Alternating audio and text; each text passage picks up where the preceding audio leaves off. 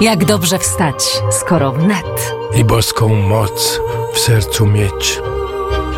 Zaprasza Magdalena Woźniak i Konrad Mędrzecki.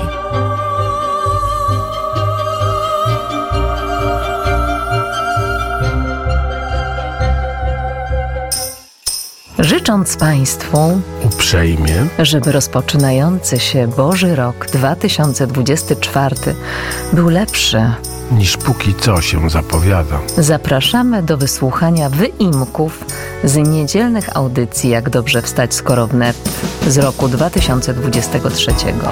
Życzymy niniejszym, abyśmy wszyscy znaleźli swoje miejsca. Pod płaszczem Przenajświętszej Panienki. Zachęcamy i zapraszamy do zaciągnięcia się w szeregi naszej załogi. Co można uczynić za pomocą Patronite'a. patronite.pl ukośnik radiownet.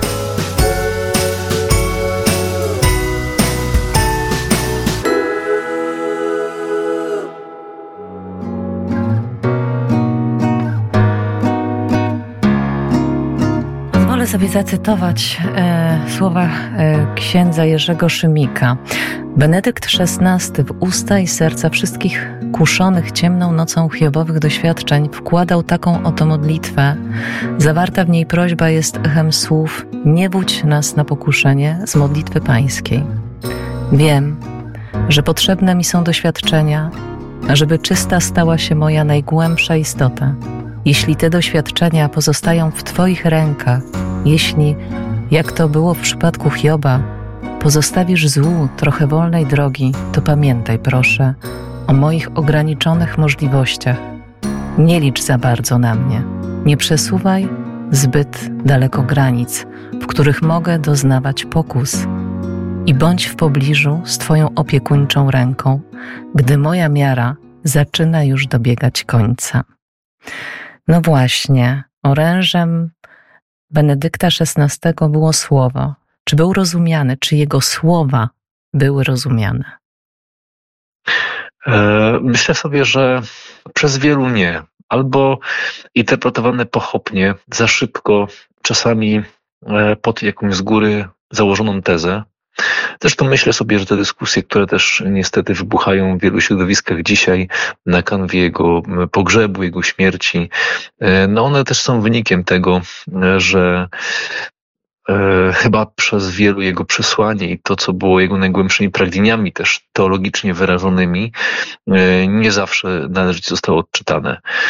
E, ta, ten, ten, ten fragment, który pani przeczytała, on ogromnie pokazuje taką naprawdę głęboką samoświadomość i pokorę Benedykta XVI, który zna doskonale miarę swojej, swojej kruchości i słabości i zna doskonale miarę swojej siły też. I wie, że ta jego siła spoczywa przede wszystkim na Bogu, dlatego do niego odwołuje się jako do, tej, do, do tego, z którym e, ma wewnętrzną, intymną, głęboką relację i z którym relacja po prostu jest istotą chrześcijaństwa. I jeśli byśmy spojrzeli, spojrzeli w taki sposób na, e, na to takie samo rozpoznanie e, właśnie Benedykta XVI, to zobaczyliśmy, zobaczyliśmy, że jego pragnienie skromności, też życia ukrytego, e, tej pewnej takiej powściągliwości, nie bycia, na pierwszym planie, czy taka tęsknota za nawet w jakimś sensie trochę takim ukrytym, kontemplatywnym życiem, ona na wiele sposobów się przejawia w różnych, e, w różnych e, takich przestrzeniach. My wiemy, że e, dzisiaj już, że kiedy jak gdyby nabrzmiewał jego wybór jako papieża, to on modlił się w tym czasie, prosząc, prosząc Pana Jezusa o to, żeby nie został wybrany najzwyczajniej. I jak potem sam to skomentował, w, tym, w tej modlitwie ewidentnie Pan Bóg go nie posłuchał. Być może byliby tacy, którzy e, może nie wprost, ale gdzieś w tle modliliby się wybierz mnie, wybierz mnie Duchu Święty, prawda?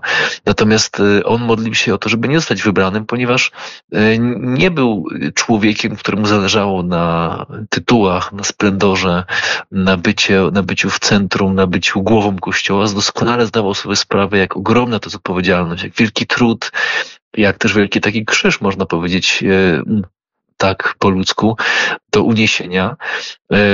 I też to, że jego pontyfikat trwał 8 lat, niektórym krótko, to jest e, też e, chyba moment, e, w którym on dobrze rozpoznał tą miarę swoich, swojej siły i swoich ograniczeń i miał też w sobie tą pokorę, żeby powiedzieć, to jest czas, kiedy muszę odejść, kiedy muszę zostawić moment wprowadzenia w nową jakąś, czy zmieniającą się rzeczywistość Kościoła, właśnie ludu Bożego, już komuś innemu. Jest, to też wydaje się tak, że, że mm, Benedykt XVI bardzo precyzyjnie rozpoznał ten moment, e, czy ten czas w kościele, w którym wchodzi on w okres bardzo takich głębokich turbulencji, perturbacji, przemian i widział, że to już nie jest jego czas, że jego zadaniem będzie teraz towarzyszenie w tle gdzieś w modlitwą i, i taką dyskretną obecnością czy radą temu, który musi przyjść po nim i który tą misję przeprowadzenia Kościoła przez e, ten okres przejściowy, wprowadzenia go w nową rzeczywistość, e, tą misję musi podjąć. E, wydaje się, że gdzieś, że w tych słowach jest takie głębokie rozpoznanie właśnie tego faktu i z drugiej strony myślę sobie, że one nas powinny inspirować do tego, żeby głębiej, bardziej sięgnąć do dziedzictwa e, teologicznego e, Benedykta XVI, czy właśnie jeszcze wcześniej jego jako kardynała, czy w ogóle jako, jako e, Józefa Ratzingera, bo to jest ogromne bogactwo, które cały czas domaga się takiego no, rozczytania, powiedzielibyśmy, nie tylko książek, ale i artykułów. Pamiętajmy też, że Benedykt XVI niesie w sobie, w takim głębokim umiłowaniu, y, tą tradycję taką augustyńsko-bonewanturiańską, prawda? Czyli święty Augustyn był jego taką zawsze miłością niegasnącą, doktorat jemu poświęcił. Z kolei, y, z kolei jego habilitacja to była habilitacja o, o Bonaventurze, który jest, czy, czy zaliczany jest w takiej teologii, filozofii do tego nurtu augustyńskiego. W związku z tym ten święty Augustyn mu cały czas gdzieś towarzyszy. Troszkę można powiedzieć, jak Jan Paweł II był takim papieżem świętego Tomasza, prawda? Był gdzieś takim tomistą. O tyle e, właśnie Benedykt XVI był trochę augustynistą i ta, te obrazy, narracja, teologia Augustyna bardzo mocno się w tym przewija, więc, e, więc możemy poprzez E, też Ratzingera poprzez Benedykta XVI sięgać do samych korzeni chrześcijańskiej teologii duchowości, do najgłębszych takich filarów systemu doktrynalnego chrześcijaństwa i zobaczyć, jak ta myśl augustyńska u niego się przewija, jak, jak rozkwita e, w wielu jego publikacjach, opracowaniach. I to jest coś, co jest niewątpliwym skarbem i dziedzictwem dla Kościoła dzisiaj i co wymaga takiego spokojnego e, przyjrzenia się i, i, i właśnie takiego rozczytania, może właśnie ten moment, że teraz Benedykt XVI odszedł do wieczności, jest takim dobrym momentem, żeby do tego dziedzictwa powrócić.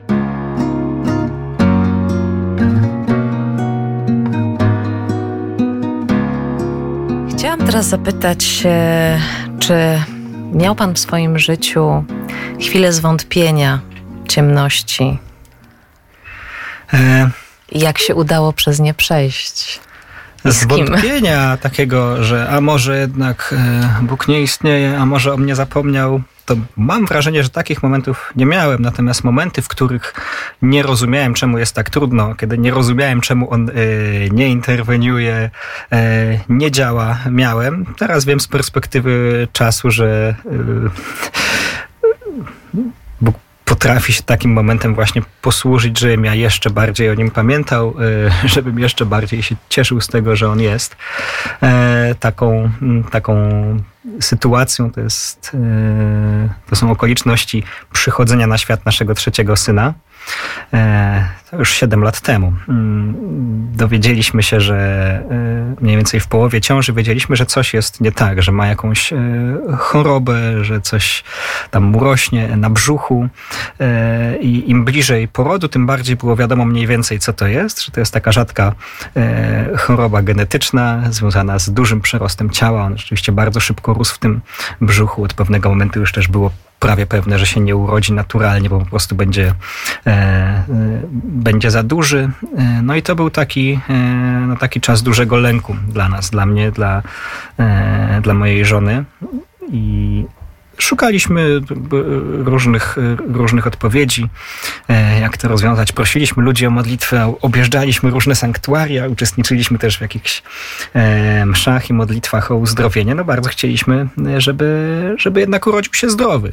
Wiedzieliśmy, że Bóg potrafi e, takie rzeczy robić, że, że, że te, też mieliśmy wśród znajomych wiele sytuacji, tak, gdzie ktoś miał się urodzić chory, czy z zespołem Downa, czy z nowotworem i, i to jednak znikało, te dzieci rodziły się zdrowe, więc jakoś mieliśmy dużą wiarę, że, że tak będzie też z naszym synem.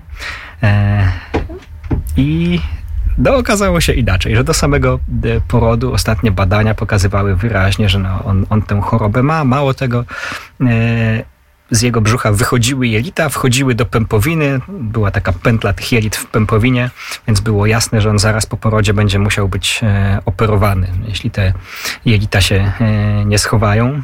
A jak będzie operowany, to pewnie potem przez miesiąc nie będzie mógł być normalnie odżywiany, dopóki się to nie zagoi. E, a więc urodził się faktycznie przez cesarskie cięcie. Lekarz, który nawet myślał wcześniej, że on może się urodzić normalnie, powiedział, no nie, to ani, ani pani, ani to dziecko by nie, nie przeżyli przeżylibyście tego naturalnego porodu. Więc urodził się Benedykt przez cesarskie cięcie. E, ja tam przy tym byłem, więc od razu go ochrzciłem, ponieważ jednym z jednym z objawów tej choroby było to, że miał ogromny język, bardzo przyrośnięty, który było ryzyko, że mu w ogóle uniemożliwi oddychanie. Nie było wiadomo do końca też, jak organy funkcjonują, bo większość organów mm, wewnętrznych miał w nieprawidłowym rozmiarze. No więc to jest nasze najwcześniej ochrzczone dziecko i jedyny człowiek, którego ja ochrzciłem. I, to, e, i, no i miał być przewieziony do mm, innego szpitala, mm, więc mieliśmy tam może godzinę, półtorej, żeby jakoś go zobaczyć, bo w szpitalu, w którym się rodził, nie można było przeprowadzić tej operacji. E, no ale ja też zrobiłem taki krok, yy, krok wiary. Mieliśmy jakiś, jakiś, tam przywieziony olej świętego szarbela, więc ja wziąłem troszkę tego oleju na rękę, włożyłem do inkubatora rękę, dotknąłem tego pępka i się modliłem do Boga, żeby te jelita schował, że kurczę, po co operacja, po co yy, jakiś yy, potem miesiąc bez jedzenia, to fatalne, jak małe dziecko nie może jeść, więc tak bardzo prosiłem Boga, żeby to się tak wydarzyło. Mm, no i potem go wzięli karetką do innego szpitala na operację. Ja wsiadłem w samochód, pojechałem e, do tego szpitala. Oczywiście trwało to trochę dłużej niż, e, niż, niż jechała karetka. Jak dojechałem na miejsce, to się dowiedziałem, że tam chirurg był po prostu strasznie wkurzony, że mu zawracają głowę, bo jak on otworzył tę pępowinę, to tam nie było żadnych jelit. E, że tam wszystko jest normalnie e, pod tym opatrunkiem, tak? Więc to był taki moment, kiedy pomyślałem, no ha, no nie uzdrawiasz go całkowicie i, i znienacka, natomiast robisz tak, że pozwalasz mm, mu żyć. E, no ale to nie był koniec, bo potem mm, z jakimiś problemami takimi metabolicznymi e, trafił do kolejnego szpitala. E, dlatego do innego, że tylko w tym innym szpitalu mm, mieli mu podawać lek na, na te problemy właśnie z regulacją poziomu cukru.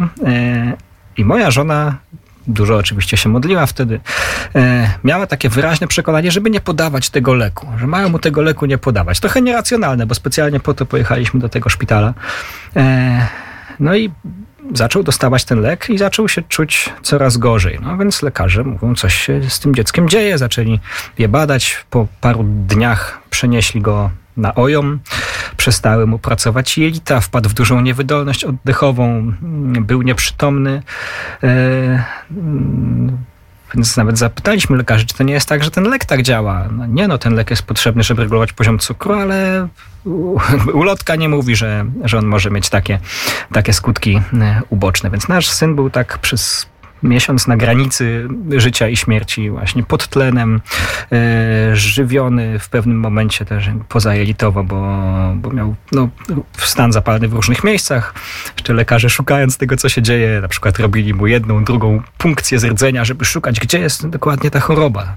Kolejne rentgeny płuc, co tam się dzieje, że on tak słabo oddycha.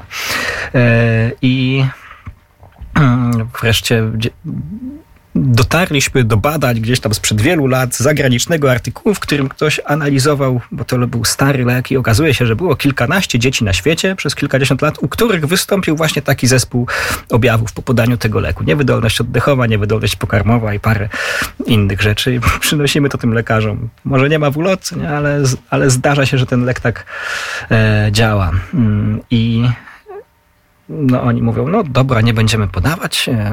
E, Ależ nie dodałem, że tak dużo go badali, pobrano mu tak dużo krwi, że potem trzeba mu było przetatać krew, żeby, bo, bo, już, bo już brakowało. E, I i to był bardzo taki trudny dla nas e, kawałek, w którym nasze dziecko jakby umierało. My widzieliśmy w pewnym sensie winnych, nie? że ja wiedziałem, że to przez tych lekarzy, że gdyby to się nie działo, to, to on by funkcjonował e, lepiej. I, no, ale nie mieliśmy za dużego wpływu na to. No ale wreszcie jakoś, no tam się du, dużo działo. Myślę, że nie ma czasu, żeby, żeby o tym wszystkim opowiedzieć, ale do czego zmierzam? Zmierzam do tego, że jak ostatecznie podjęliśmy decyzję, e, żeby tym ludziom przebaczyć w imię Jezusa, tak? Że jakby nie możemy wiązać początku życia naszego dziecka z gniewem, złością, żalem.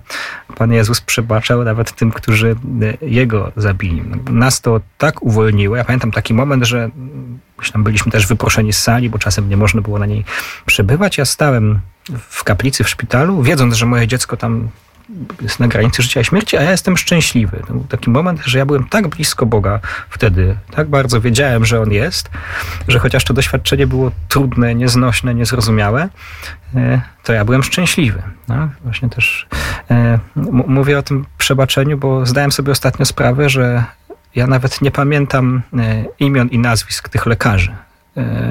Że, tak bardzo, że, że nawet nie muszę, że nawet nie mam jak ich, mm, powiedzmy, źle o nich powiedzieć. E, I no i ostatecznie, jak, jak przebaczyliśmy, jego stan się zaczął z nienacka poprawiać. On po prostu wrócił, wrócił do życia z dnia na dzień e, mówi ordynator, no to, to dziecko już nie musi być na ojomie. Nie spodziewaliśmy się, że ono w ogóle będzie w takim stanie, że po tym miesiącu jakiegoś tam bycia niedotlenionym, niedożywionym, no to to spodziewaliśmy się, że to będzie taka, taka roślinka, jak się czasem mówi. E, natomiast z jakiegoś powodu nie jest. No. Wyszedł, wyszedł z tego szpitala praktycznie zdrowy, jeśli chodzi o te problemy, bo swoją wadę genetyczną Benedykt e, nadal ma, natomiast na to pytanie o taką ciemność, trudne doświadczenie, tak, to bardzo zbliżyło nas do Boga to, że nasz syn był na granicy życia i śmierci.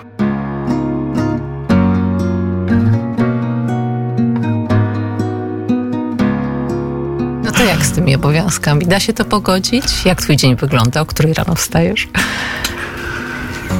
Mm, od kiedy zacząłem praktykować regularną Eucharystię o poranku, nie mam daleko, mieszkając tutaj w, na Starym Mieście, mam w okolicy wiele kościołów. Najbliższa mi jest katedra świętego Jana. Zaczynając dzień mszą świętą, znajduję czas na wszystko. Msza o poranku e, powoduje, że nagle mam więcej czasu, e, że w moich codziennych obowiązkach mam towarzyszenie Pana Jezusa, którego mam w sercu e, i wtedy wszystko się da. Wszystkie obowiązki układa. połączyć, układa się. Oczywiście nie dla każdego jest możliwe praktykowanie codziennej Eucharystii, ale to gorąco polecam. Zresztą ja też, rycerzem też. jestem dłużej niż mm, praktykuję codzienną Eucharystię. Mm, myślę, że jeżeli e, z sercem angażuje się człowiek w różne inicjatywy, tak jak ja staram się to robić, to jest w stanie połączyć ich wiele. E, Zakon rycerzy Jana Pawła II to jest oczywiście moja e, taka macierzysta wspólnota, najważniejsza, podstawowa, ale też jestem zaangażowany w inne inicjatywy mm, modlitewne, choćby e, w taką inicjatywę modlitewną związaną ze świętym Szarbelem. E, spotkania modlitewne odbywają się w kaplicy u e, Wojciecha i Agnieszki Amaro. Też jestem związany z taką wspólnotą Królowa Pokoju działającą w Warszawie, gdzieś tam związaną e, w tle z księdzem Dominikiem Chmielewskim, więc e, nawet e, więcej niż jedno zaangażowanie nie stoi na przeszkodzie, żeby wykonywać obowiązki zawodowe w sposób rzetelny, jeszcze mieć czas na życie prywatne.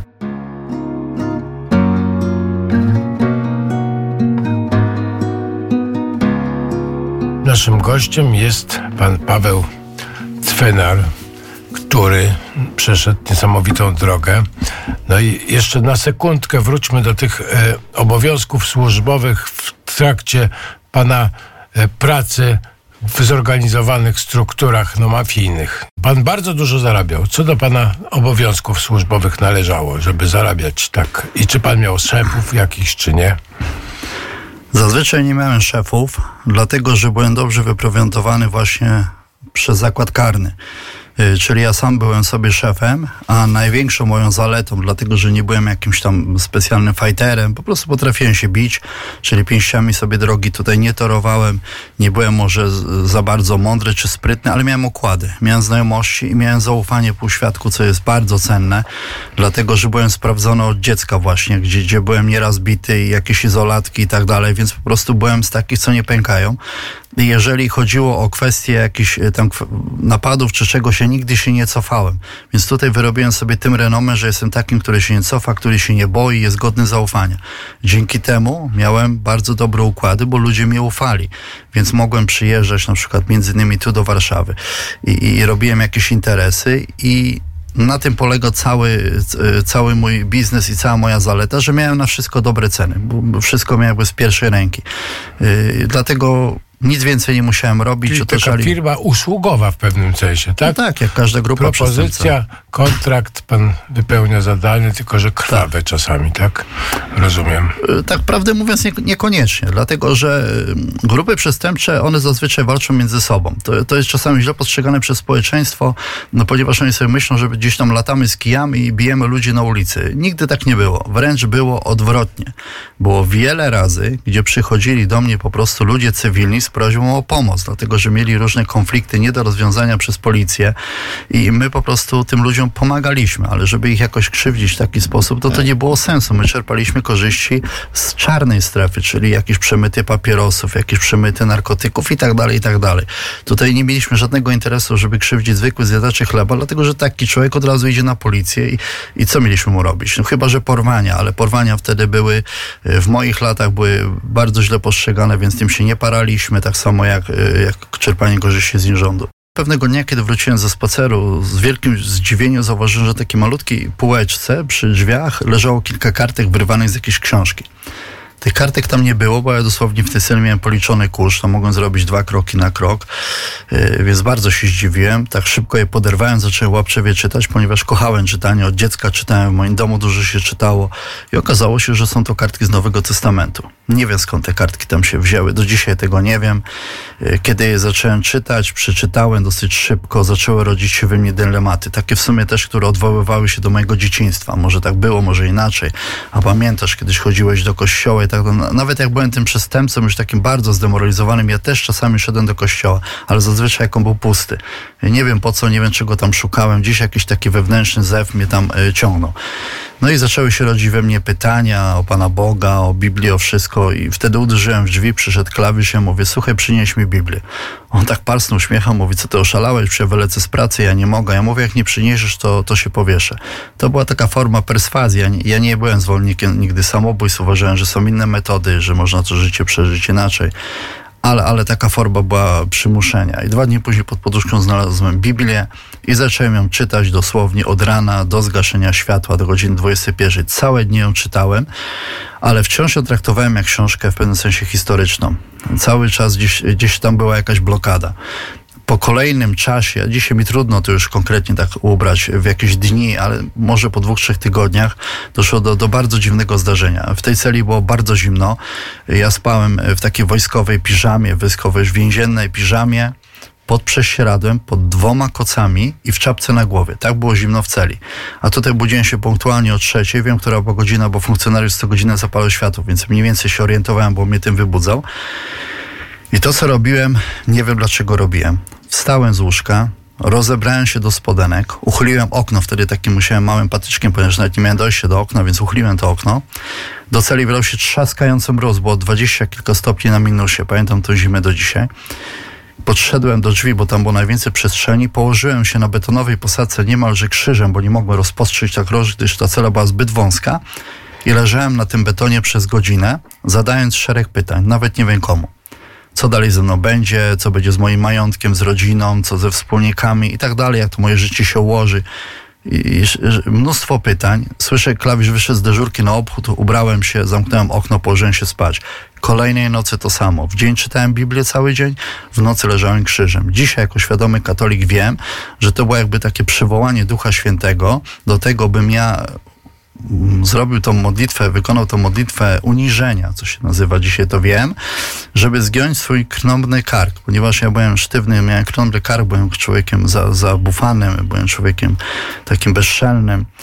I pewnego dnia, po jakimś czasie prak tego praktykowania, może po dwóch, trzech tygodniach, jak co noc wstawałem, Czytając y, Biblię zasnąłem w dzień, co mi się w więzieniu nie zdarzało. Ja zawsze trzymałem dryl wojskowy, tego mnie nauczyła stara recydywa, ponieważ ona powiedziała, że wiesz, mało lat w nocy przychodzą te czarne myśli, więc y, cały dzień coś rób, żebyś w nocy spał. A tutaj zasnąłem w dzień, co mi się właśnie nie zdarzało i śniło mi się, że szedłem takim pięknym, szerokim, pałacowym korytarzem. Z lewej strony były okna z takimi łukami, z prawej strony drzwi, klamki na wysokości półtorej metra. Ja wszedłem w jedne z tych drzwi i moim oczom ukazała się potężna aula. Ona nawet nie miała ścian na jej środku stał malutki, więzienny, odrapany stolik. Poszedłem do stolika i tam siedziały dwie postaci. Z lewej strony elegancki młody mężczyzna w dobrze skrojonym takim modnym garniturze. Ja w sennej świadomości miałem przeświadczenie, że to jest szatan. Z prawej strony w łunie blasku nie widziałem samej postaci, tylko miałem takie przekonanie, że to jest Pan Bóg. I ku mojemu zdziwieniu zauważyłem, że Pan Bóg trzyma w ręku talię kart, chociaż może w tym śnie to nawet mnie nie dziwiło. Pan Bóg rozdawał je do gry w pokera. Ja stanowczo twierdzę, że Pan Bóg w pokera nie gra, jednakże zrozumiałem później, że ta wizualizacja była na moją potrzebę, gdyż ja byłem dobrym pokorzystą. Recydywiści nauczyli mnie dobrze tam grać w pokera, nawet oszukiwać. Szatan zobaczył, co ma w kartach i gestem wypychającym na środek tego stolika położył w miniaturze różne bogactwa. Jakieś widziałem luksusowe samochody, diamenty, dolary. Pan Bóg nawet nie patrzył, co ma i również takim gestem wypychającym fizycznie nie położył nic. Jednakże ja dziś miałem takie przekonanie, że tam jest coś bardzo, bardzo cennego. I kiedy miałem sprawdzić swoje karty, obudziłem się. I byłem bardzo rozgoryczony i chodziłem krok w tył, w przód, tył, przód. I, i te pytania, co Pan Bóg miał, może bym przebił, może bym coś zakombinował. Cały dzień czytanie Biblii, w nocy z powrotem leżenie krzyżem. I te pytania, co to, co to za sen, co to miało znaczyć? Aż pewnego dnia mi oświeciło. Przyszedł ten dzień, kiedy czytając Biblię, przyszło zrozumienie na to, jaka propozycja jest zawarta w tej Biblii. Jaką propozycję, jaką stawkę miał Pan Bóg do gry w tego pokera, że chodziło o życie wieczne. Jak ja to zrozumiałem, pamiętam jak dzisiaj stałem przy łóżku, no to do ściany miałem dosłownie prawie dotykałem nosem. Ja z wrażenia usiadłem. I wtedy jakby zapadła kurtyna, zrobiło się tak jakby ciemno. Oczywiście to takie metafizycznie to opowiadam, bo to nie było fizycznie. I zobaczyłem swoje życie w całej jego ohydzie, jakim jest człowiekiem podłym, ile krzywd wykonałem, że ponieważ mimo, że tam nikogo jakby z kijem y, nie ganiałem, ale gdzieś tam handel z narkotykami, to wszystko gdzieś się tam musiało odbijać, fatalne być w skutkach, więc to wszystko jakby zobaczyłem i bardzo źle się poczułem i tak siedziałem jakiś czas, a po chwili taki przyszedł jakby promień pocieszenia, że nie wszystko stracone, że jeszcze jest walka, że jeszcze żyję, że mogę spróbować. Podszedłem do drzwi, uklęknąłem, one były jakby moim pierwszym takim konfesjonałem, może takim pierwszym ołtarzykiem i mówiłem, Panie Boże, proszę Cię, wybacz mi moje grzechy, daj mi zawalczyć o życie wieczne, ponieważ ja tutaj cały czas rezonowała we mnie ta żyłka sportowca, ja cały czas byłem sportowcem i pomyślałem sobie, że przecież nie ma wyższej stawki na życie wieczne. Co z tego, że ja może wyjdę, że znowu zacznę zarabiać grube pieniądze, że to wszystko odkupię, odkuję, ale mówię, nie ma, nie ma wyższej stawki na życie wieczne. I powiedziałem, koniec, wchodzę w życie wieczne, chcę, chcę zawalczyć, chcę spróbować i wtedy tak długo klęczałem. Później walę drzwi, przychodzi klawisz, mówię, słuchaj, przyprowadź mi kapelana. Jak on to usłyszał, to był w szoku przyprowadź mi księdza. Się parę razy mnie pytał, na początku nawet nie przyprowadzał, bo myślał, że ja, mi przejdzie. W końcu przyszedł kapelan więzienny, wyspowiadałem się z całego życia i to był moment, kiedy wszedłem na drogę nawrócenia. Zacząłem tą Biblię czytać ze zrozumieniem, rozumiałem większości później życiorysy świętych, z kościoła. Sześć lat później opuściłem więzienie, już będąc innym człowiekiem.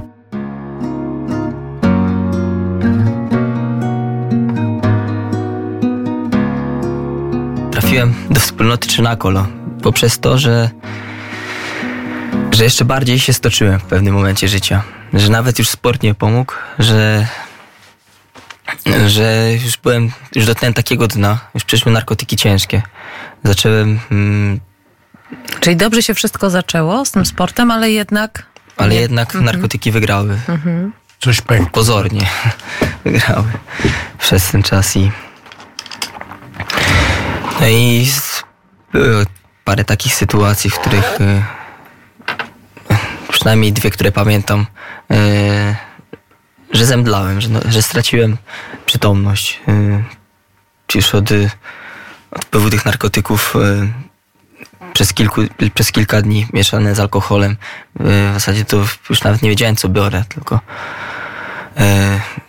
I, też przyszły narkotyki ciężkie, kokaina, amfetamina, mefedron. Jak to się pojawiło, to pamiętam, że już przestałem nawet chodzić do szkoły, chodziłem tylko, żeby się pokazywać. E, o treningach, z treningów też już zrezygnowałem. E, Ale byłeś jeszcze cały czas w internacie? E, no już, już nie, już wtedy miałem 17-18 lat. To już byłem, można powiedzieć, że dorosłym i mogłem i już tak decydowałem trochę sam o sobie. Już mogłem... Mm, Ale gdzie mieszkałeś? Mieszkałem wtedy, y, pamiętam, y, poszedłem mieszkać do mojego brata. Y, Tego starszego, tak? Tak, do starszego. No i tam mm, ja mieszkałem w mniejszym pokoju, on w starszym dokładałem się brat do rachunków, które dostawa, które pieniądze otrzymywałem z renty rodzinnej i, i tak, także miałem no, za, za co opłacić mieszkanie i chyba tylko tyle i resztę za co imprezować. Jak trafiłeś do wspólnoty? E, do wspólnoty właśnie mm, poprzez to, kiedy dotknąłem takiego e, dna i e, nie znalazłem tej pomocy mojego brata, nie znalazłem gdzieś pomocy u rodziny, próbowałem wszystkiego, co można, jakiś rozmów z psychologiem, terapii dochodzących nic to nie pomogło. Mm. No i pamiętam, że e, no zacząłem mm, się modlić, ale to była chyba modlitwa taka bardziej ze strachu e, niż, mm, niż jakby z jakiejś chęci takiej. No, zgodnie z takim przysłowiem, jak trwoga to do Boga. Dokładnie. Ale jednak Bóg cię wysłuchał. No tak, tylko to właśnie nie funkcjonowało jak narkotyk, że ja prosiłem o coś i tak dostawałem automatycznie mm, tak jak efekt tego. E, ale gdzieś może jakieś natchnienie, żeby pójść do kościoła na mszę świętą w niedzielę, to coś... Mm, no i w końcu też może, żeby pójść i do spowiedzi. Mm, no i tam e, poszedłem do spowiedzi I, był, i tam e, spotkałem e, w, na swojej drodze księdza Mikołaja, który, no, który właśnie po tym, po tej spowiedzi poprosił, żebym się zatrzymał po mszy świętej, został i tam przeprowadził taką dłuższą rozmowę i no i zaproponował mi, żebym przychodził w piątki spotykać się z, z taką grupą no i tak przychodziłem co piątek. W której tak parafii? W parafii Niepokolonego Poczęcia Najświętszej Marii Panny Czyli w naszej parafii. tak. E, przychodziłem co piątek e, na te spotkania. E, no i no i tam zobaczyłem, że poznałem też chłopaków, chyba ksiądz Mikołaj zebrał wszystkich o podobnych problemach, zjednoczył ze sobą, więc i, i stworzył taką grupę. Yy, I się spotyka, spotykaliśmy i to jest takie luźne spotkania, mm, więc poznałem yy, między innymi mojego przyjaciela Bartka, z którym bardzo mi towarzyszył i wspierał mnie, modlił się dużo za mnie. On kiedy już yy, też przeszedł pod, no, podobną historię do mnie, poradził sobie z tym, e, pokazał mi, że można. Modlitwa e, wstawiennicza ma wielką siłę. Tak, no to prawda. Pokazał, pokazał że można, więc, yy, więc już zrozumiałem, że nie jest prawdą, że nie można z tego wyjść. Tylko widziałem historię ludzi, którzy yy, zastanawiając się mieli albo taką samą sytuację, albo gorszą ode mnie sobie poradzili, więc sobie myślałem, że dlaczego ja mam nie poradzić sobie i tak E, no i tak się stało, że e, wiele prób e, w końcu taką metodą prób i błędów, podnoszenia się upadków i, i powstawania. I jakby już mm, taki moment przełomowy, w którym trafiłem do wspólnoty Czernakolo, ksiądz Mikołaj mi już to proponował kilka, kilka miesięcy, tak. Ja to tak, a wspólnota Czerna Kolo, co to jest Czerna Kolo? Ja tak sobie brałem to tak powierzchownie, że, że to nie nie potrzeba jakieś, przecież mam tutaj rentę rodzinną, tutaj mieszka, mieszka, mieszka, dom z bratem, odpowiadam sam za siebie, tutaj szkołę, pracę, no przecież mam przecież dziewczynę, nie zostawię teraz tego wszystkiego, tak, bo żeby pójść do wspólnoty Czerna Kolo, jakąś ewentualnie rozmowę, czy dochodzącą, mm, na pewno jakieś inne jest rozwiązanie, że, żeby nie wyjeżdżać nigdzie i tak. Aha, bo to się wiązało z, wyjazdem, wyjazdem takim, rozumiem. Z wyjazdem, y, oddzielowaniem się od wszystkiego, zostawieniem wszystkiego, y, całkowicie wszystkiego, bo we wspólnocie czy na kolo y, no, nie, nie, ma się, nie ma się telefonów, nie ma internetów, no, jakichś takich przyjemności, właśnie przede wszystkim odizolowanie od papierosów, używek takie braterstwo. Życie w, w czystości, można powiedzieć. I, e... Czyli przyjemność, ale w innym rozumieniu. To prawda. I podjąłeś decyzję. E, już kiedy, e, tak, już kiedy zobaczyłem, że nie ma innej możliwości, że że już nawet nic mi nie daje szczęścia. Poza tym, mimo to, że mam, że e, już byłem zmęczony życiem, można powiedzieć, i potrzebowałem, żeby odpocząć chociaż. Ile miałeś wtedy lat? E, wtedy miałem 19 lat. 19-latek, zmęczony życiem. Czułem się, jakbym miał 50, naprawdę wtedy. No i co? I wyjechałeś? Źle w takiej razie określiłem, może czułem się, jakbym miał 75. Dobrze, już się nie pogrążaj. I podjąłeś decyzję, tak? E, tak. E, podjąłem decyzję. E, podjąłem decyzję, że pójdę odpocząć dwa miesiące. Dwa miesiące, góra trzy. Powiedziałem dziewczynie, że poczekaj na mnie, ja tam tylko jadę odpocząć i, wracam. Bo trochę od tego. Nowymi siłami. Pewnymi siłami zaczynam wszystko od nowa. Jaki, że, że to już nie będzie to samo, już się zmienię i i teraz zaczynam nowe życie. Więc wziąłem tam plecaczek, pamiętam, bo przecież nie będę, e, nie, nie będę e, się pakował, bo tylko na chwilę tam jadę. Bo tak się stało, że trzy lata zostałem tam.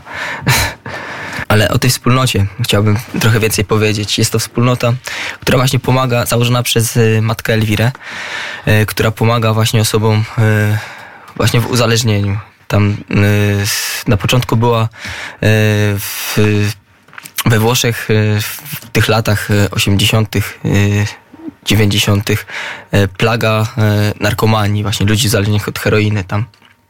Matka Elwira, pamiętam, pierwszy dom w Salucu opuszczony z grupą narkomanów, podjęła się tego i zaufała opatrzności Bożej całkowicie.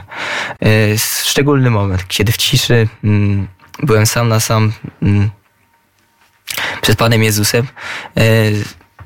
No i ja to tak traktowałem, że ten cały czas wspólnoty, trzy lata i ten każdy moment adoracji, to właśnie była moja terapia. Tak naprawdę to było to, co mnie zmieniło.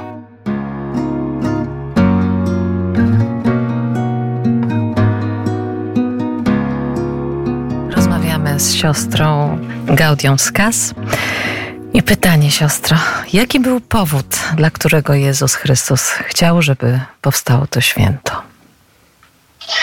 Naj, największym, takim najbardziej pal, palącym, palącym, jakby rozpalającym go od środka powodem jest po prostu pragnienie zbawienia dusz.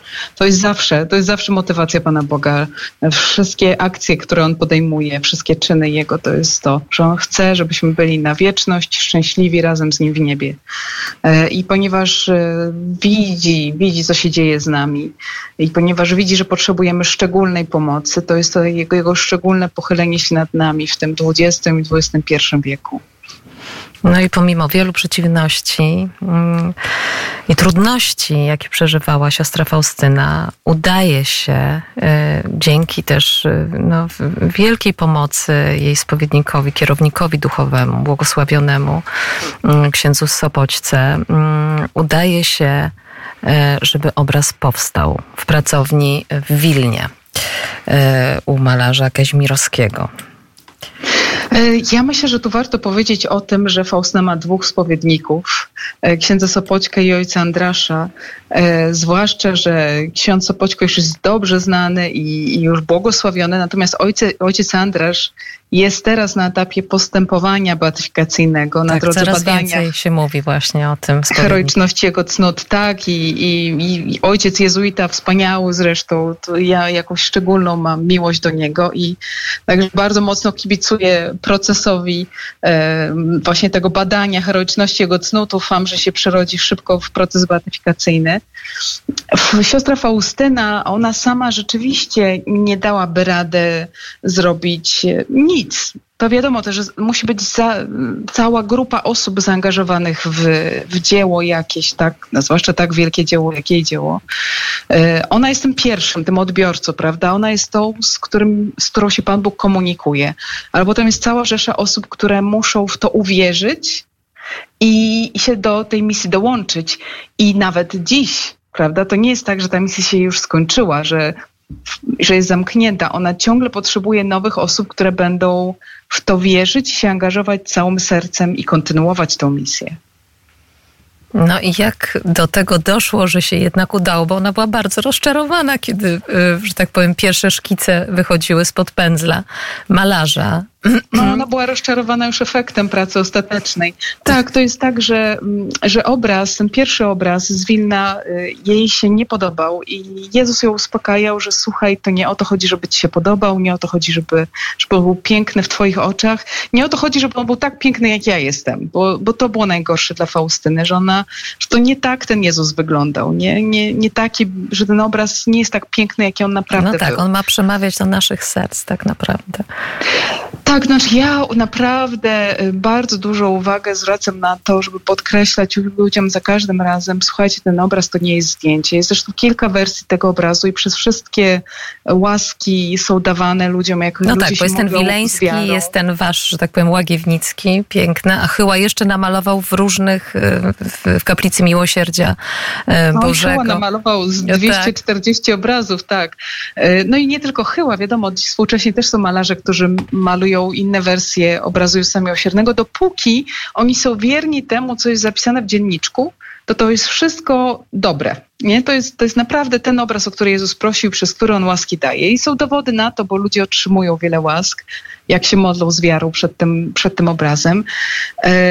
Ale właśnie istotą tego obrazu nie jest to, jak on wygląda na zasadzie takiej, prawda, do kolorów i podobieństwa Pana Jezusa do tego, jak on naprawdę wygląda, ale symboliki. Dlatego Faustyna, zobaczcie, to też jest bardzo ciekawe, ani w Piśmie Świętym, ani w dzienniczku Faustyny Nikt nie opisuje tego na przykład, jaki kolor włosów Pan Jezus ma, jaki kolor oczu, jaki nos, gdzie tam te uszy mu wy, wypadły, czy bliżej oczu, czy dalej. No, nie ma tego typu opisów, bo to nie jest istotne. To, co jest istotne, to, to jaki Pan Jezus jest i, i prawda o nim, e, o, o głębie Jego istoty i o tym też mówi obraz. Każdy fragment obrazu, e, czy spojrzenie Pana Jezusa, zaczynając od spojrzenia, potem prawa ręka wzniesiona w geście błogosławieństwa, lewa, która wskazuje na przebite serce, z którego wychodzą te wielkie promienie. I każdy kolejny element objawia nam prawdę o pięknie miłosiernego Boga. I tak należy na ten obraz patrzeć.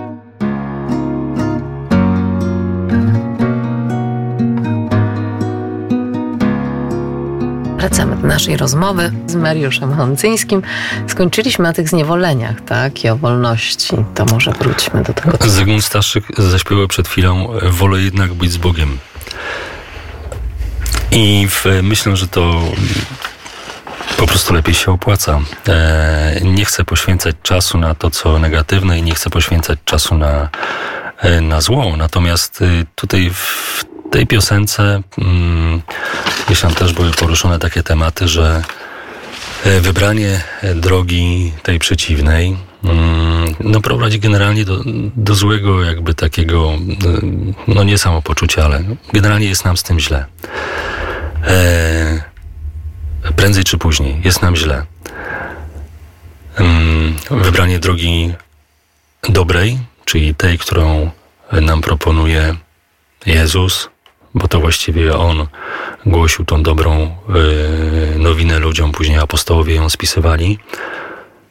Uważam, że jest drogą, drogą dobrą i wszystko uważam, że w życiu ma swoje jakby prawo takiego istnienia. Przyroda, wokół której mm, funkcjonujemy, nie wiem, kwiaty, e, budzą się na wiosnę, wymagają do wzrostu światła, wody, mm, drzewa, jakieś na przykład, nie wiem, jabłonka, do tego, żeby wzrastać, y, potrzebuje, żeby ją przystrzyc co jakiś czas, czy tam przyciąć gałęzie, wtedy wydaje dobry owoc. I my ludzie też czasami potrzebujemy, prawda, takiego, żeby nas ktoś przystrzygł, przytemperował, bo jeżeli tego nie ma, to te owoce, które wydajemy, mogą być y, po prostu karłowate. Wydaje nam się, że robimy coś dobrego, a e, to tak właściwie nie musi być coś dobrego, tylko wypełniamy swój taki egoizm bycia kimś, bycia zauważonym, bycia w telewizji, bycia w radiu, bycia w prasie. Mm, więc taka e, też jest, myślę, że bardzo istotna kwestia pilnowania tego swojego egoizmu i trzymania go na wodzy, żeby on gdzieś tam nie przesłaniał tego naszego ja, które zazwyczaj jest piękne, które jest wartościowe i to, co w sobie nosimy, e, żeby dzielić się e, tym, co mamy w sercu z innym człowiekiem, żeby to było na pierwszym miejscu, a nie to, że ja to powiedziałem, ja to zrobiłem, ja się za ciebie pomodliłem. To myślę, że jest, jak powiedział ten Antoni, to jest nieważne.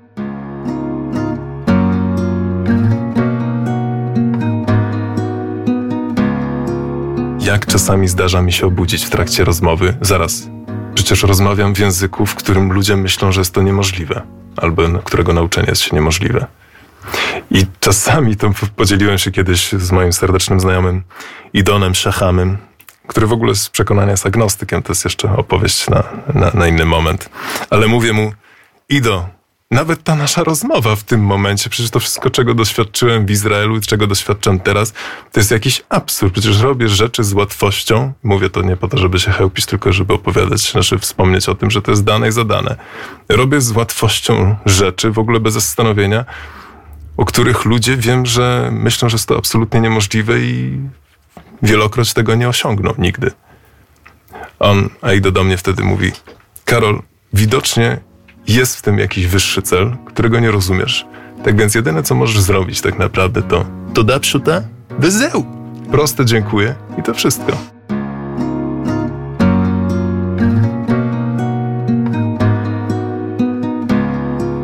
Wracamy do naszej rozmowy z Patrykiem Galewskim.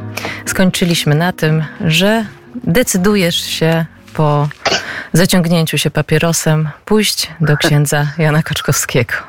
Tamten moment, kiedy szedłem do, do żonego, to ja kompletnie nie wiedziałem, do jakiego miejsca idę, co to jest za miejsce, jak, jakich ludzi tam spotkam, po co to miejsce. Nie wiedziałem, jakim miejscem jest hospicjum.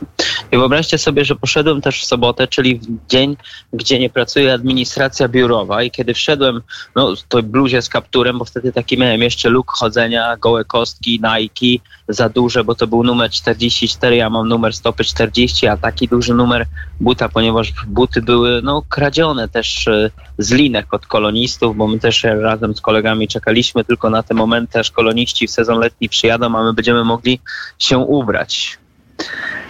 I kiedy wszedłem do, do tego hospicjum taki ubrany, no jak taki blokowy chuliganek i też w sobotę jest tak, że nie pracowała w hospicjum w tamtym czasie administracja biurowa, a dyżury w recepcji czy też e, jakby w takich e, pierwszego kontaktu e, sytuacjach e, no po prostu pełnili dyżury wolontariusze. No i kiedy ja takim no, trochę głosem blokowym, dzień dobry, Galeski, godziny społeczne, to pani wolontariuszka pomyślała chyba, że jestem wolontariuszem. Więc e, poprosiła mnie, żebym wszedł w oddział, podszedł pod dyżurkę e, pielęgniarską i że tam panie dalej pokierują mnie, co mam zrobić. Więc ja na luźno wszedłem do, w ten oddział, patrzę jakieś dziadki na kółkach, ciepło, miło, no bo tak wtedy czułem to życie. No nie będę tutaj też Państwu mówił, że inaczej przemyślałem to jakby patrząc to, więc powiedziałem, że nie jest najgorzej. Wyobraźcie sobie, że na początku wszystko było ok. No, podszedłem do dyżurki. Pamiętam też, że pani Asia, pielęgniarka, bo tak się nazywała, poprosiła mnie o to, żebym e, przebrał się i ubrał odpowiednie obuwy i podszedł pod salę numer 9. I tak naprawdę przed salą numer 9 i tutaj powiem, wyprzedzając pewne fakty, zostawiłem te wszystkie takie moje, e, moją odwagę, moje, nie wiem, też postawy, które pozwalałyby mi, nie wiem, na krzywdzenie drugiego człowieka, e, okradanie, bicie, napieprzanie się po meczach. To wszystko zostało, bo kiedy wszedłem do sali numer 9 i zobaczyłem trzech starszych, e, nieruszających się, leżących w łóżkach mężczyzn, popodłączanych do różnego rodzaju rurek, aparatur, to to był wstrząs, bo do, wtedy pojawiły się we mnie pytania, co to jest za miejsce, gdzie ja jestem. I dopiero głos pani Asi, pielęgniarki, który wytrącił mnie jakby z tego letargu po prostu zamyślenia. Patryk, proszę cię o pomoc. Kiedy okazało się, że mam pomóc w czynnościach toaletowych jednego z tych z trzech starszych panów, e, to był strzał. I nie wiem do końca, jak udało mi się trzymać ramiona w łóżku jednego z tych trzech starszych panów w takiej pozycji siedzącej był pan, ja trzymałem ramiona, a pani Asia obmywała takim zbliżonym ręcznikiem e, też jakby ciało tego pana. Ja nie wiedziałem, jak mam się zachować tamtym dniu ja też Janowi, bo Jan też zadał pytanie, czy będę przychodził, tam tak całkiem na luźno rozmawialiśmy. Wiem, jak dużo to go musiało kosztować zniżenie się do mojego poziomu komunikacji. Ja mu w tamtym dniu też obiecałem, tak, ja będę chodził, będę, będę. Oczywiście go oszukałem, bo konkretny termin się nie stawiłem, ale kiedy przyszedłem znowu po raz kolejny, znowu jeszcze tej jesieni, znowu w tym ogrodzie i wyobraźcie sobie jakby takie déjà vu trochę, bo znowu idzie on wtedy już naprawdę, proszę mi wierzyć, byłem przygotowany na to, że no, wystawiłem go, oszukałem, że no ile razy można pobłażać, tak, że ile razy można po prostu jakby tutaj być tym grzesznym, no ja nie spotykałem się z takimi zachowaniami. No, no nie wiem, czy, czy nie miałem szczęścia, czy omijały mnie takie rzeczy, no bo ludzie też pewnie no niechętnie chcieli w moją stronę oferować jakby taki pakiet emocji. No w końcu jesteś, Patryk. Martwiłem się o ciebie. No i to była postawa, która mnie w ogóle zagięła. Nie przychodzę, oszukuję go, a on mówi, że się o mnie martwi. I wyobraźcie sobie, po chwili tekst, który w ogóle mnie zaskoczył. To może Patryk pojedziemy do Maka. W mojej głowie od razu myśli, nie no, z facetem w sukience do Maka, ktoś nas zobaczy, że jadę z księdzem do Maka, będzie kompletnie po prostu sytuacja na mieście przegrana i starałem się takim e, pięknym językiem polskim Janowi odpowiedzieć, chociaż w tamtym wymiarze mojego życia było to ciężkie, ponieważ no, ten język polski był taki kolawy, bardziej więcej przekleństw, więcej ulicznego żargonu, takiego e, no, nawiązującego do, do, do tamtej przestrzeni mojego życia. No i tam delikatnie wydukałem, no ale ksiądz wie, bo ktoś nas zobaczy i będę miał przypał na mieście. Luzik, Patryk, pojedziemy skrótami. I ta scena też jest w filmie, bo po tym McDonaldzie tak naprawdę no, nasza relacja zaczęła nabierać no, coraz to większego rozmachu, stawaliśmy się dla siebie coraz bardziej ważni e, i, i pewnego razu nadszedł taki moment, który też jest mocno widoczny w filmie, kiedy Jan przechodził przez oddział Puckiego Hospicjum i tak ni stąd, ni Iwon zadał mi pytanie. Dyziu, a ty myślisz czasem o Panu Bogu? I wtedy ja taką mocno asertywną postawą, tak jak ulica mnie nauczyła i tak jak naprawdę wtedy czułem. Powiedziałem, że myślę, że ma na mnie wyje. Mhm. Tak. Jan nie był wtedy zły na to, że ja tak powiedziałem, że przeklnąłem, że Jan nic z tych rzeczy. W filmie jest pokazane, że Johnny pociągnął temat, ale tak naprawdę w rzeczywistości ta sytuacja została owiana ciszą. Jan poszedł swoją stronę, ja poszedłem swoją stronę. I tutaj zaznaczę, że Jan był inteligentnym, mądrym, ale też cwanym facetem i pomyślał, Rudy, ja zastawię na ciebie pułapki, żeby pokazać ci, co tak naprawdę w życiu jest ważne.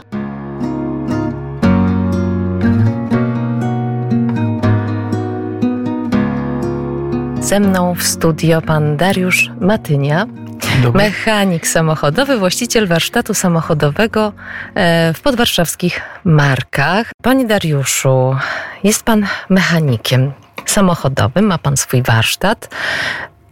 Jak pana życie wyglądało, zanim dotknął pana Bóg? Hmm. Co życie tego Boga szukałem, ale też jakoś nie bardzo chciałem przyswoić. Ja, yy, no jak każdy, który prowadzi swoją działalność albo pracuje przy samochodach, jestem człowiekiem technicznym, więc dla mnie coś takiego jak siła wyższa, Bóg, nie wiem, przeznaczenie nie istniało. Ja po prostu wiedziałem, że w życiu to, co wypracuję, jest moje, swoimi siłami, przede wszystkim siłami. I, i to jakby kierowało moim życiem ale pamiętam takie urywki z dzieciństwa, kiedy chodziłem nawet tu po starówce, po empikach i szukałem tej treści życia. Coś przeczytałem, coś podsłuchałem.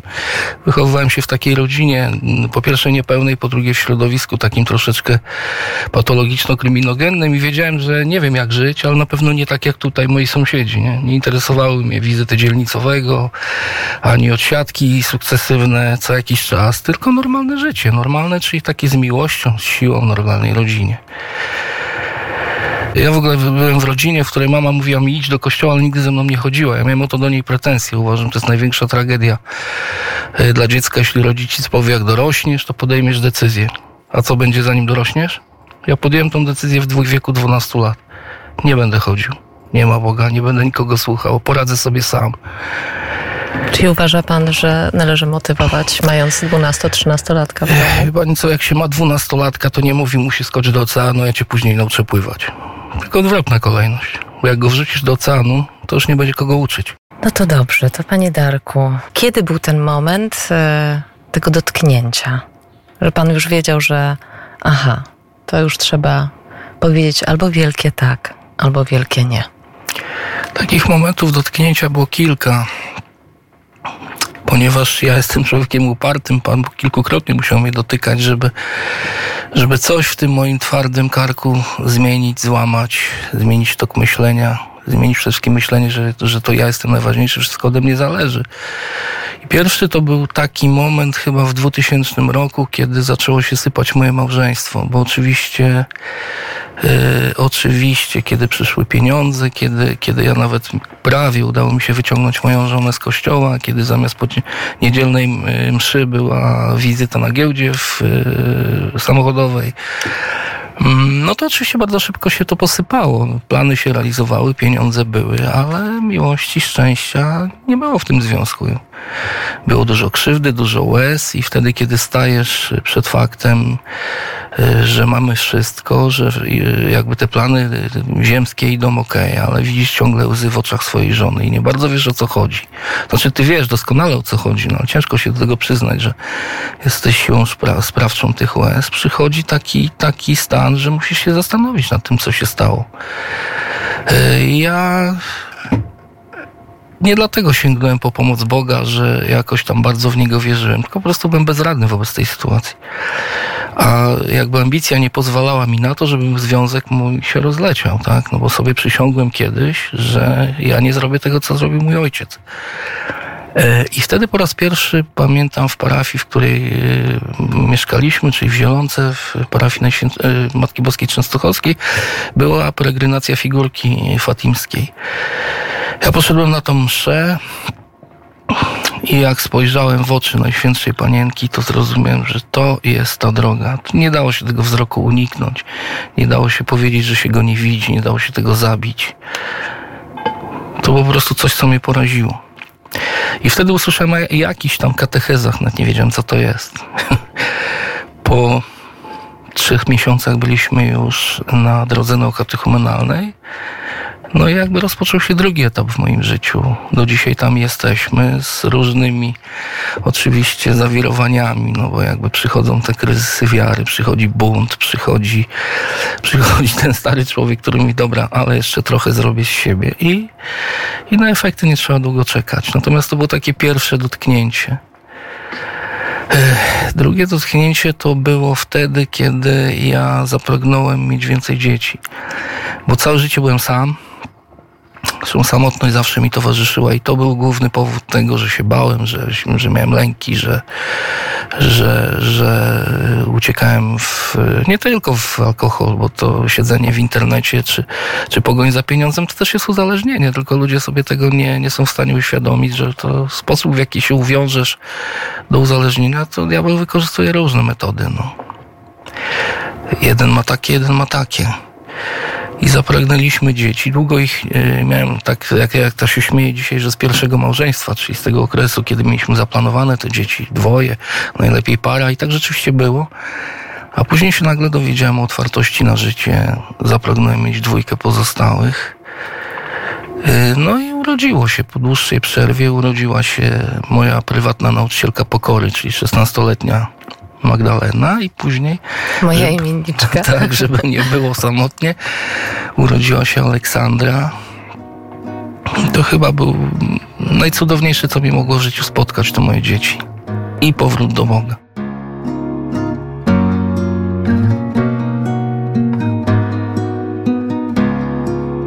Wracamy do rozmowy z księdzem Arturem Kasprzakiem.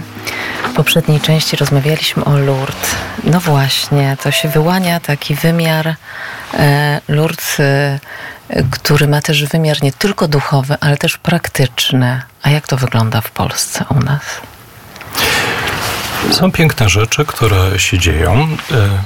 I chciałbym tutaj wspomnieć o takim przepięknym wydarzeniu, na które zostałem zaproszony i brałem udział całkiem niedawno, dosłownie kilka tygodni temu, nastąpiło uroczyste takie otwarcie sanktuarium uzdrowienia chorych w jednej z parafii archidiecezji poznańskiej, dokładnie w Smolicach.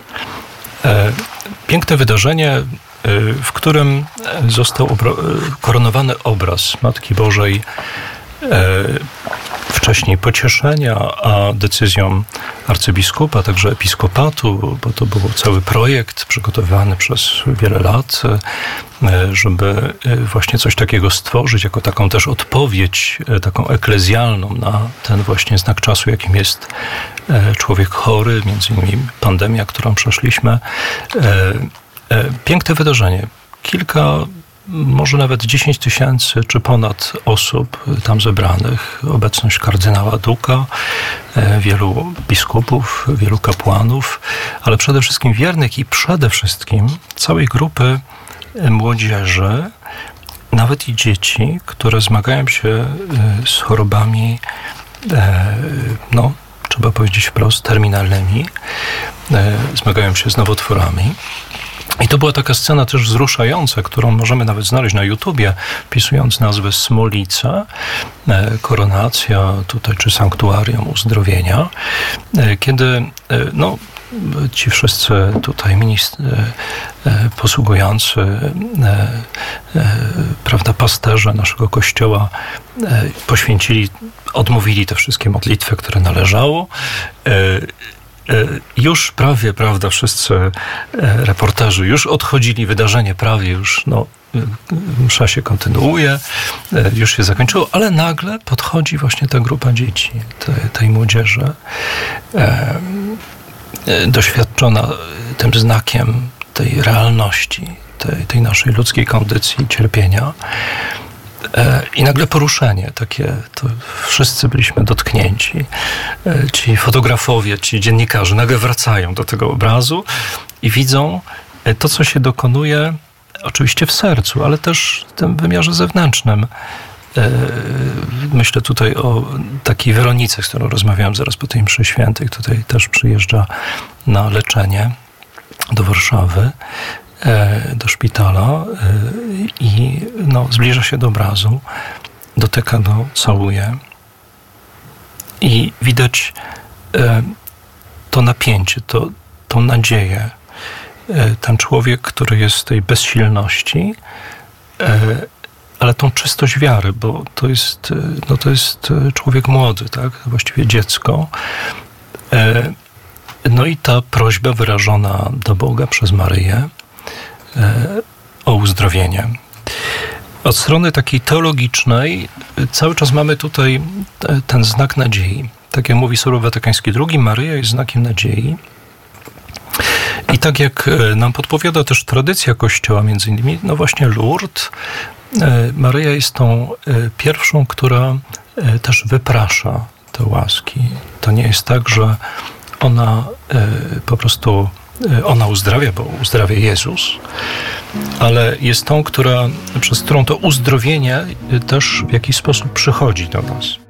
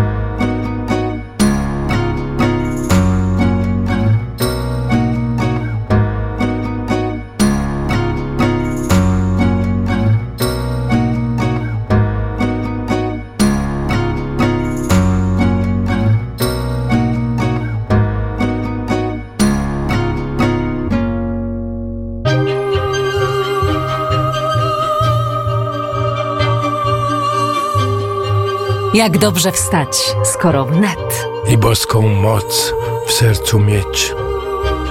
Zaprasza Magdalena Woźniak I Konrad Mędrzecki.